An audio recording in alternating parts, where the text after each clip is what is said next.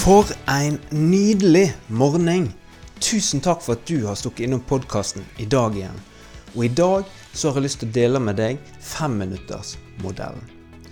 Hvis du har hørt på denne podkasten, så har du lagt merke til at hver episode er ca. fem minutter lang.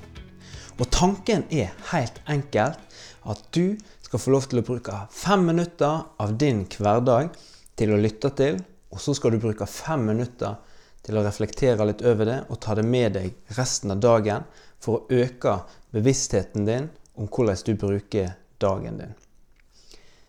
Jeg veit ikke med deg, men med meg så bruker jeg ganske mye tid på tull og tøys. Hver dag så bruker jeg en halvtime bare med å sitte på toget. Det er 30 minutter som jeg kan investere i noe, men stort sett så har jeg brukt det på eh, ingenting. Sittet i ro, kanskje lytta litt til musikk, kanskje sovna litt.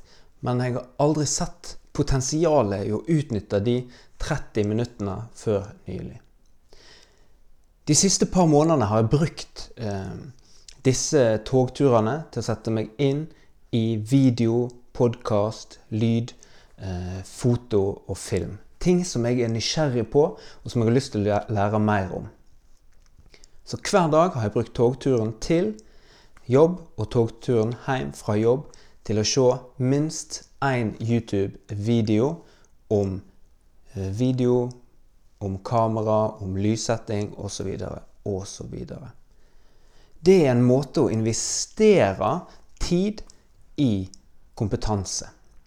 Og det jeg har lært, har ikke bare styrka kompetansen, men det har òg eh, styrka nysgjerrigheten min til det jeg holder på med. Og det har bygd eh, et større kontaktflate for det jeg holder på med til vanlig, med å lage video osv.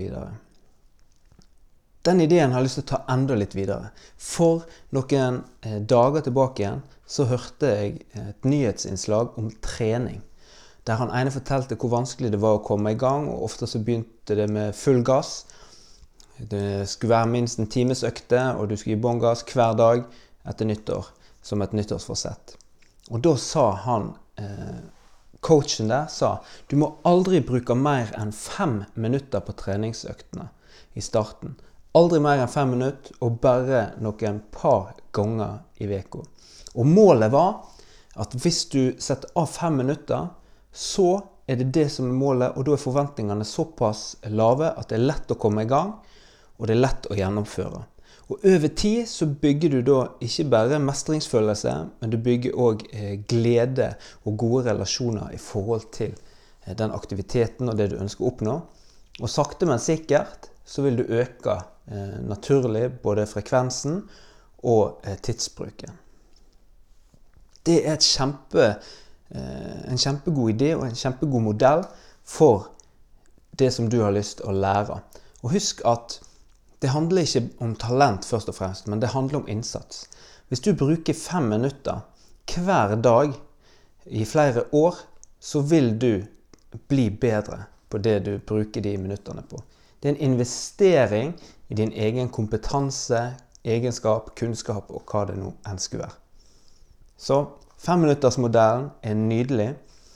Og jeg vil at du òg skal I denne podkasten her så ønsker jeg at de fem minuttene skal bli mer enn de fem minuttene. Ikke det at podkasten skal bli lenger, men jeg vil eh, introdusere ideer på fem minutter til deg som jeg håper du skal bruke den hverdagen. Det skal være små triks eller tips eller ting å tenke på som du kan ta med deg i dagen, som, kan, som du kan øke bevisstheten din på i løpet av dagen. Og forhåpentligvis så vil det skape en bedre dag og en større bevissthet om de helt hverdagslige tingene du møter på den dagen. Så jeg ønsker deg lykke til. Det var det jeg hadde lyst til å dele med deg i dag.